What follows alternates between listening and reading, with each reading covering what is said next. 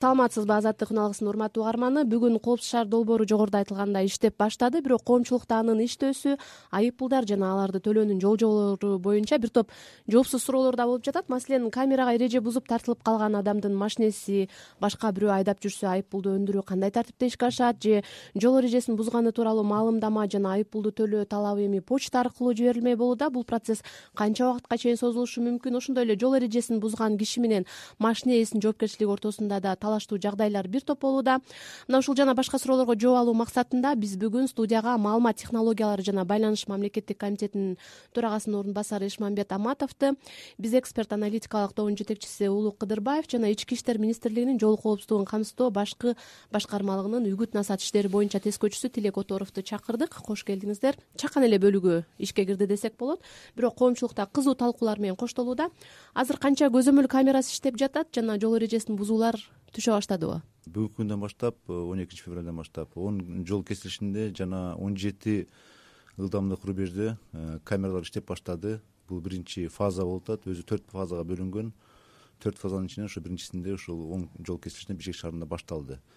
Э, бүгүнкү күндөн баштап бүт ошол айыптардын баардыгы ушул фото видео фиксация деп коет ошого түшө баштады. Ал болсо ушу гобдун мониторингдик центри бар. Ошол жерде операторлорго түшүп ошол жерден бекитиле баштайт протоколдор чыгып постановление чыга баштайт да. Толугун айтсак болот бүгүнкү күндөн баштап расмий түрдө ишке ашты.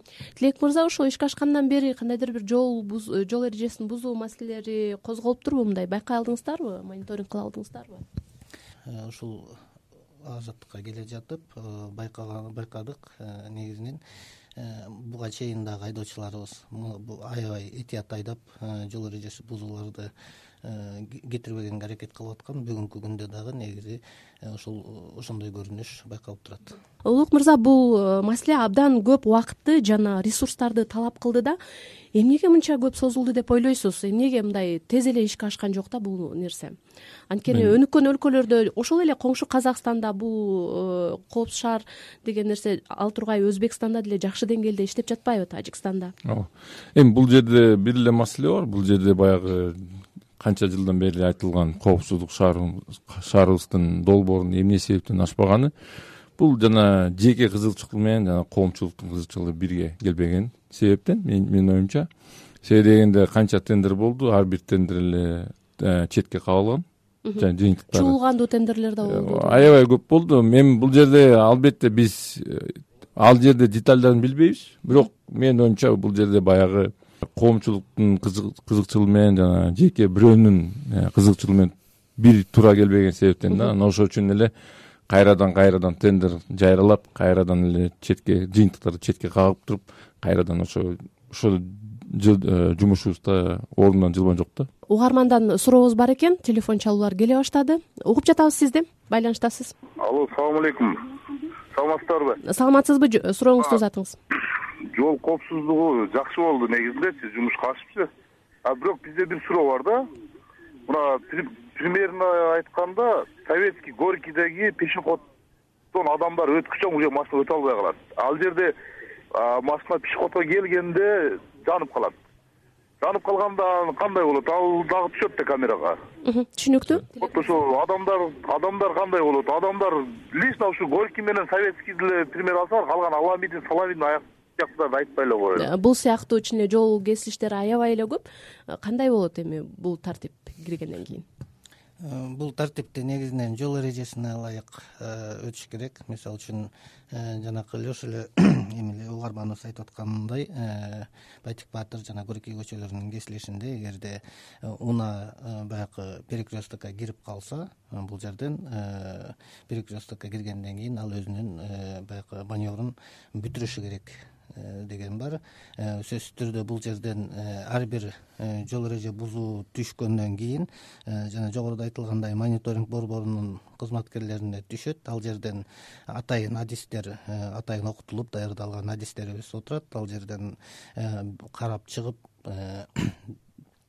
далилдеп андан кийин э, атайын кызматкерлерге берип ал жерден э, кызматкерлер юридикалык баа берип туруп э, анан кийин анан кыргыз кыргыз почтасына өткөрүп берет. Кечиресиз дагы бир угарманыбыздан суроо бар экен. Угуп жатабыз сизди байланыштасыз. Саламатсыздарбы саламатсызбы? Менин атым максат мен нарындан чалып атам. Мисалы үчүн мен бишкекке барып байкабай ушу нарушение кылып алдым. Мен негизи муну колдойм жакшы анан ошол жерден баягы пешеходдон жана өтүп бараткан жөө адамдардан күтүп калып андан кийин ал өткүчөктү биз ошол кызыл свет светофордон кечигип өтүп калсак андан кийин анан ал жерден биз бишкектен кайра кетип калып нарынга келсек кийин анан кийин ал кат келсе бизге анан биз кайра бишкекке барып ошонун баарын тең доказать этип беришибиз керек. Могул жерден пешеход мындай болгон деп силер айтып атасыңар жана ушундай бир э, отдел бар өзүнчө иштейт ошол тиги спорный вопросторду чечет деп. Буга кандай жооп бересиз эшмамбет мырза балким буга сиздин жообуңуз бардыр э, дагы бир жолу кайталап кетет элем тилек мырза белгилеп кетти. Жол эрежесинде өзгөчө белгиленип кеткен. Эгер сиз ошол маневрду баштаган андан кийин жол жүрүүчү өтүп бүткүчөндүк күтүп каласыз анан кызыл свет күйүп калып атпайбы? Ошо күйүп калгычандык сиз маневрду баштагандан кийин сиз бул жол эрежеге бузду дегенге кирбейсиз. Бирок бүткүчөндүк. далилдөө жагы дагы бир аз ошол далилдөө жогун айтып кетейин дедим эле. Ошол камерага түшүп атканда бир гана сүрөт түшпөйт. Бул жерде анын сырткары бир он беш секундка чейинки видео түшөт. Ошол машина кантип ошол чыкты ошол жол жүрүүчү кантип өтүп атты ошонун баардыгы белгилеп ошол оператор карайт ошону. Карап чыгып анан белгилейт жок бул бузган жок деп э, четке кагып чыгарып коет андай нарушение болсо. Анан эгерде бишкектен эмес нарындан келдим деп атпайбы ошо нарындан келип бул жерден кокустан баягы эрежени бузуп алып кетип калгандан кийин болсо ошол э, кайтара э, арызын берип бул мен бузган эмесмин андай десе губдун өзүнүн өкүлдөрү бар ошо нарында деле бар ошо нарындын өзүндө эле же ат башындабы же акталаадабы ошол жерден барып эле ар бир жерде экиден өкүл отурат. Ошол өкүлдөрүнө арызын берип ошо далилдөөгө эмесе болот. Мындан сырткары да белгилеп кетейин азыр э, баягы интернет сайтка чыккан ошол жерде онлайн түрүндө өзүңүздүн машинаңызды көрсөңүз болот. Баягы паспорттун пин кодун киргизип өзүңүзгө мисалы э, регистрация өтсө машина ошол машинанын номерин киргизип туруп өзүңүз болсо кандай эрежени буздуңуз качан буздуңуз ошону эметип астына ала өзүңүз жараныңыз болсо ишке Э, астын алып иш жүргүзсө болот да. Ошонун баардыгын азыртан жасап койсо болот да. Улук мырза? Күтпөй элечи менин эки эле маселем бар. Бул жаңы коопсуздук шаарыбыздын долбоору менен. Биринчи маселебиз баягы операторлор отурган адистери. Канчалык алар чын иштегени. Экинчиден канчалык ошо ошол жерде отурган мисалы начальник болобу ошо бирөөнүн бузганы менен мисалы бирөө өкмөттө иштейби же прокуратурада иштейби же мвддо иштейби алардын номерин атайын бир мындай неприкасаемый бир списокко кирип салса аларды мисалы алардын каталарын эч ким бакабай кайра эле ошол болуп калат да системачы. Экинчи маселе бул баягы эми камераларды койдук бирок жана жолдо жол белгилери боюнча знактар боюнча. Знактар боюнча стоп линия боюнча линиялар боюнча такыр эле жалпысында булардын бир стандарты жок болуп мен ишенем да. Себеби дегенде баягы эле совет жолунда совет жолунда ылдый келип атсаңыз бир тарабы үч полосный бир тарабы эки полосный. Бул бир маселе. Стоп линиялар бир жерде үч метрден алыс турат бир жерде бир метрден алыс турат. Бул кандай стандарт? Үчүнчүсү дорожный знактардын гаилер менен сүйлөшсөң алар биз аны койбодук башкалар коюшту алар менен сүйлөгүлө. Бир знактардын айдоочуларга көрүнгөндөй койгонго менин оюмча бул жерде бир саботаждык иш бар да? Кээ бир белгилер бактар менен басылып бактар анын бактыр караңгыда көрүнбөйт. көрүнбөйт десең эми бакты тиги зеленстройго барып айт дейт да. Анан бул жерде кандай болот ошо биринчи суроом э, биринчиден баягы э, операторлордун э, тажрыйбасы жөнүндө. Бул оператордун баардыгын окутуп экзамен тапшырып канча мүнөт окушту алар? каяктан окушту? алар азыр айта албайт экенмин бул губдун эмелери мырза. окуткан негизинен бул операторлорду э, бул граждандык э, составтан алынды. Э, булар деген инфокомдон окушту атайын авто мектептен окушту биздин өзүбүздүн ички иштер органдарынын мыйзамдарын менен таанышып окуп билим алышты. Андан кийин анан ушул ишке киришти да. Анан экзамен тапшырышты экзамен тапшырып туруп анан ишке киришти. Анан кийин бул коопсуздук боюнча маселе болуп калды. Бул бул жерден биринчиден бул камера фото видеого түшкөндөн кийин бул э, инфокомдун э, базасына түшөт. Ошондой эле веганын базасына түшөт. Андан кийин келип э, анан бул мониторинг борборунун базасына түшөт. Бул жерден бири бирин жашырып жашыра албайт. Анын үстүнө бул жерден бул сиз айткандай жанагы прокурордун машинасы экен же болбосо милиция кызматкеринин машинасы экен деп эч ким бөлө албайт. Андан тышкары бул мониторинг борборунун борборунун ичине кирип атканда кызматкерлер жада калса өзүлөрүнүн уюлдук телефондорунда ылдыйкы жакта өзүнчө бөлүнгөн бөлмө бар ошол жака өчүрүп ташташып андан кийин ошол ишке киришет ал эми тиги үй менен байланыша турган болсо ошондой бир иштерге бара турган болсо бул аналогдук телефон менен колдонот бирок аналогдук телефон дагы бул ар бир сөзү э, баягы жазуу түрүндө өтүп шаардык телефон менен колдонуп туруп сөйлөшүшөт э түшүнүктүү анан э, кечэтеден бери э, социалдык медиаларда дагы анын үстүнө биз бул талкууну өткөзөбүз дегенде дагы аябай көп суроолор жаралды. Ошол эле унаа ээлеринин менчиктик укугу анан мисалы бир киши өзү айдап бараткан машина ага таандык эмес бирок эреже бузду. Анын унаанын ээсине барып түшөт айып пул бул жерден э, эреже бузган адамды тактоо менен унаанын ээсинин жоопкерчилиги ортосунда кандайдыр бир мындай бир пикир э, пикир келишпестик келип чыгып атат да. Ушул маселени кантип көзөмөлдөйсүздөр? Ким күнөөлүү болот да? Ким төлөйт ошол айып пулду э, негизинен белгилеп кетиш керек. Машинанын ошол автоунаасы кимдин атында катталса ошол жооп берет. Биринчиден. Дагы бир жолу белгилеп кетет мына кечээ дагы айтып аттык мурданы да айтып аттык. Ошол биринчиден бул биздин жарандарыбыздын жоопкерчилиги ар бир жараныбыздын эгерде мен штрафты ошол айып пул келбесин деп албайм десем болсо ага чейин үч айлык мөөнөт берилген эле. Азыр бир мүнөт э, телефондук байланышта бар экен. Угарманыбыз угарман сизди угуп жатабыз байланыштасыз. Ассалому алейкум саламатсызбы? Сурооңузду узатыңыз. Бул специалисттерге суроо берели азыр биз московскийден өттүк. Оң жак мен өзүм маршрутка эдейм да. Оң жак калы алло угуп атабыз сизди. оң жак беттеги линия эсиле машина пробка болсо биз экинчи полосада турабыз остановкада турабыз элүү жүрсөк штраф болобу болбойбу ошону билели дедик эле. Тилек мырза сиз жооп берип койсоңуз анан андан кийин э, эшмамет мырза суроого жооп бул жерден менин түшүнүгүмө караганда экинчи катардан бурулсам болобу дейт. Жок экинчи катардан жол эрежесинде бурулууга мүмкүнчүлүк болбойт. Сөзсүз түрдө э, эгерде экинчи катардан бурула турган болсо ушул жерде камералар э, боло турган болсо аны э, баягы илип алышы мүмкүн. Андан тышкары эскерте кетчү нерсе баягы биздин ошол эми эле коомдук транспорттун айдоочусумун деп чалып атпайбы коомдук транспорттун жана ошондой эле жеке таксилердин да айдоочуларына эскертип кетет элек жанагы токтоп атканда э, бизде жанагы мобилдик э, камералар да коюлган. Бул автоунаа патрулдук автоунаалардын ичинде.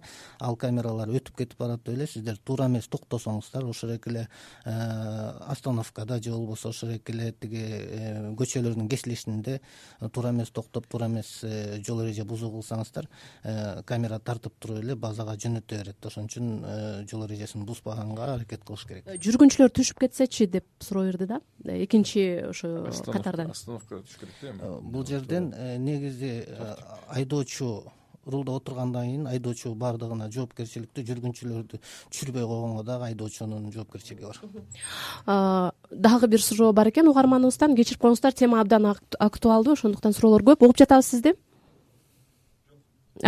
байланыш үзүлүп калды. Улантсак биздин андан мурда козголуп жаткан теманы. улантып кетсем ошон үчүн азыр э, дагы эле ошол ар бир э, мисалы автоунаа менин атымда болсо аны мен болсо иниме берип койсом же башка байкеме берип койсом сөзсүз түрдө мен ошол автоунаамы ошого өткөзүп беришим керек да. Эмне дегенде э, кандай бир жерден айып болсо ошол айыптын баардыгы мага келет да менин үйүмө келет. Ошо кат жолдоп менин үйүмө келет. Анан кийин мен төлөшүм керек. Анан мен төлөбөй койсом сөзсүз түрдө отуз күндөн кийин баягы пенясы кетет. Ал пенясы э, күнүнө бир проценттен кетет. Бул мыйзамдын чегиндегиси. Аны төлөбөсөм ошол э, пенянын толук э, салмагы ошол э, штрафтын салмагына тең келет да. Андан кийин сотко берилет. Анан мен өзүм эле кыйналам түшүнүктүү. Ошон үчүн бул жерде азыртан астын алып эле өткөзүп коюш керек. Башынан бүт баарын эле улук мырза бул жерден дагы бир э, сизге бир суроо пайда болуп атат да. Батыш өнүккөн өлкөлөрдө же болбосо башка жактарда ошол адрес системасы э, кишинин жашаган жерин тактоо системасы жакшы жолго коюлган. Мисалы э, ошол эле индекс менен такталса болот киши каякта жашаарынчы а кыргызстанда бул нерсе мүмкүн эмес да. Ким каякта жашап атканынчы пропискасы башка жакта өзү башка жакта жашашы мүмкүн. Жогоруда эшмамет мырза айтып аткан баягы процедура канчалык деңгээлде тез ишке ашат деп ойлойсуз? Эми тиги биздин жарандарыбыз айып алып баштагандан кийин иштеп баштайт. Чындыгында бул жерде аябай жакшы эле ой болуп атат. Себеби дегенде эми мен биринчиден пропискага аябай каршымын да. Прописка чындыгында бул э, жарандардын бир укугун тебеленип кеткен бир советтик бир системасы. Бирок бул жерде баягы унаанын ээси жоопкерчилиги болуш керек биринчиден мен өзүм айдасам мен жооп берем бирөөгө берсем ошол кишиге да жооп берем деген сөз да. Анан ал киши айдаса ал да мындай жоопкерчилиги болуш керек. Бирок бул жерде унаанын ээси тактаганга оңоюраак да. Бул маалымат бар.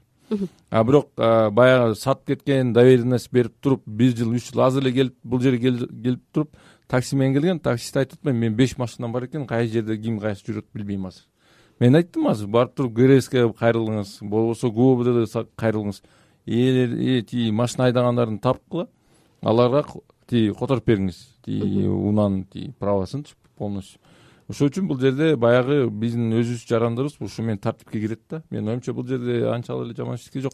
Ошол тартипке келгичекти эреже бузуулар болгондо тилек мырза кандай чаралар көрүлөт? Эреже бузган киши демек жазасыз калат дегенге барабар болобу жок бул жерден э, жазасыз калбайт. Биринчиден э, баягы буга чейин деле эки миң он жетинчи жылдан бери эле мамлекеттик каттоо кызматынын унааларды каттоо департаменти өзүңүздөр эсиңиздерде ошо атайын льготтук түрдө э, унааларды каттап алуу иштерин жүргүзүшкөн э, азыркыга чейин ошо жүргүзүп келатышат э, анан кийин бул жерден эгерде баягы айыпкер айыбын төлөбөй турган болсо биздин жанакы мобилдик камералар деп атпайбызбы ошол эркелердин базасына негизи базага кирип мисалы үчүн унаа өтүп кетип барат өтүп кетип баратса бул мисалы үчүн издөөдө жүргөн унаа боло турган болсо же ошол айыбын төлөбөй качып жүргөн унаа болот унаа ээси боло турган болсо ошол э, борт компьютерлордон көрүнөт. Э, ал жерден биздин кызматкерлер токтоп аны э, баягы атайын коюлуучу жайга коюуга мажбур болот. Андан тышкары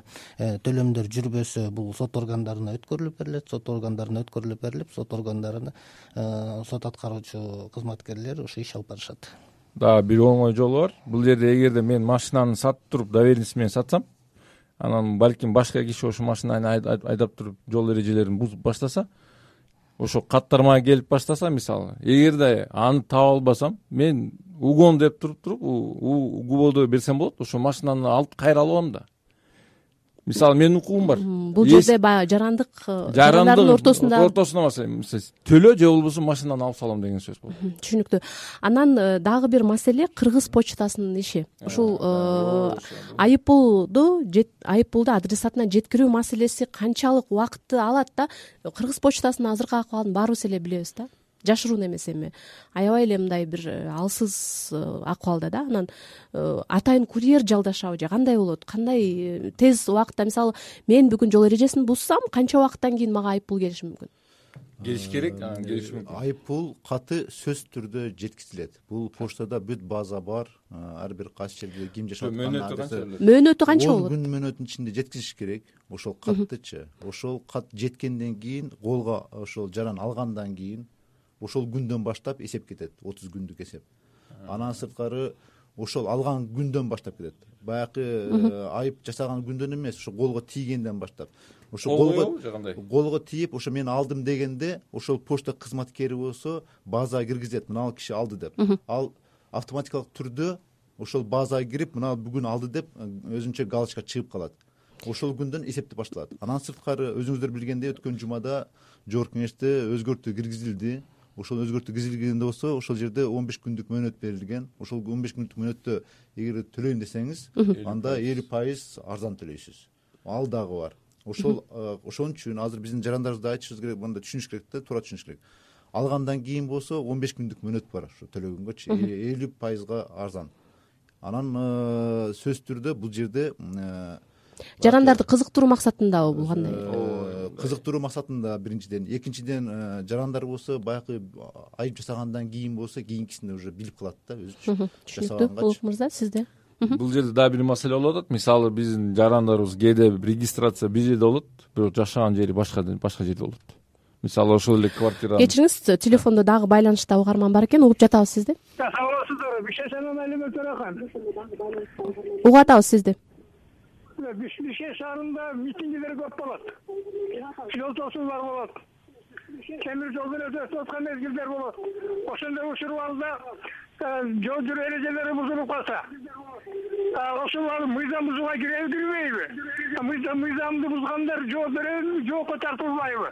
Кечинекей эле шоферлор штраф төлөп кала береби. Түшүнүктүү рахмат рахмат. Тилек мырза жакшы суроо болду бул жерден өзүңүздөр билесиздер. Бул коопсуз шаар долбоору акылдуу шаар долбоорунун алкагында киргизилип атат. Э, мындан э, акылдуу шаар долбоорунун негизинде мунун баары тең каралган негизи каралган. Э, буюрса ишке ашып жүргүзүүдө ошол жанакы эле ошол ар бир нерсе кыраат каралат.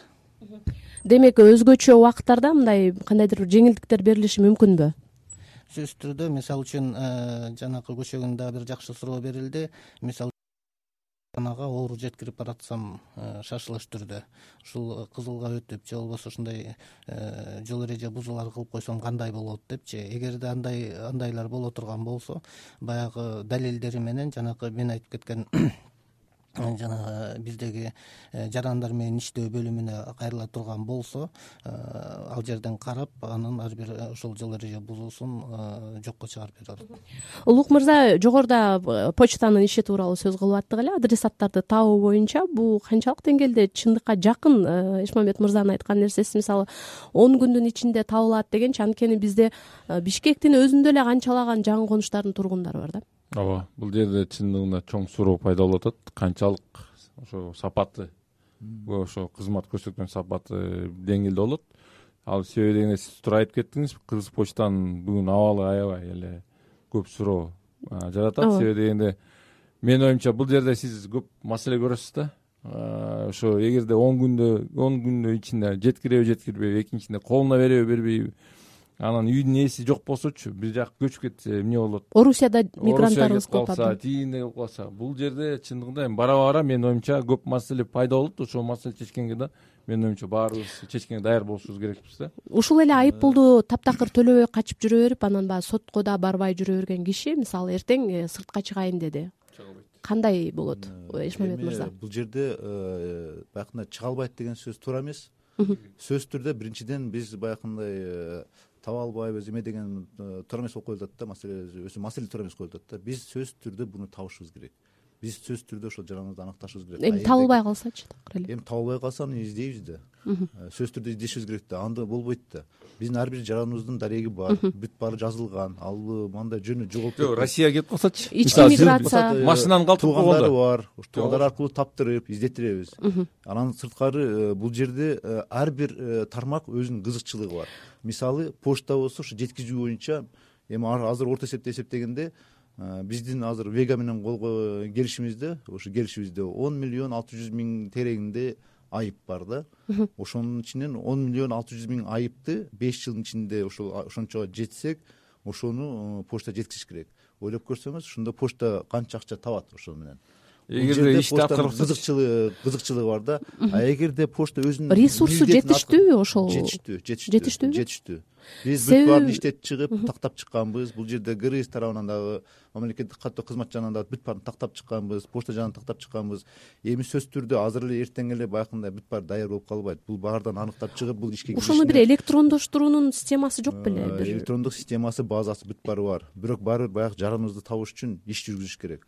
Анан бүгүн эле эртең эле табылып калды жок жоголуп кетти болбойт. Сөзсүз түрдө мына улук мырза туура айтып атат бул өзүнчө э, бул маданият да маданиятка өзүбүз алып келишибиз керек да ошо маданиятты айдашыбыз керек маданиятты иштешибиз керек. Маданияттын бүт баарын өзү э, ар бир жараныбыздын ичинде күйгөн нерсенин өзүнүкү болуш керек да ал болбосо мисалы мен өзүм мекенем үчүн мындай күйбөсөм мекеним үчүн деп мынтип нетпесем анда башкача түшүнүк болуп калат бир суроо бар да. Мындай мисалы бара бара бул бир мобилдик номерибиз баарыбыздыкы бар туурабы анан жанагы почтабыз электронный почтабыз бар. Ошолорду да бир каттоодон өткөрсөңөр ар бир жаранга тилекке тилекке каршы тилекке каршы эфирибиз аяктап баратат урматтуу угарман биз бүгүн коопсуз шаар долбоорун талкууладык. Ага маалымат технологиялар жана байланыш мамлекеттик комитетинин төрагасынын орун басары эшмамбет аматов биз эксперт аналитикалык тобунун жетекчиси улук кыдырбаев жана ички иштер министринин жол коопсуздугун камсыздоо башкы башкармагынын үгүт насаат иштери боюнча тескөөчүсү тилек оторов келишти.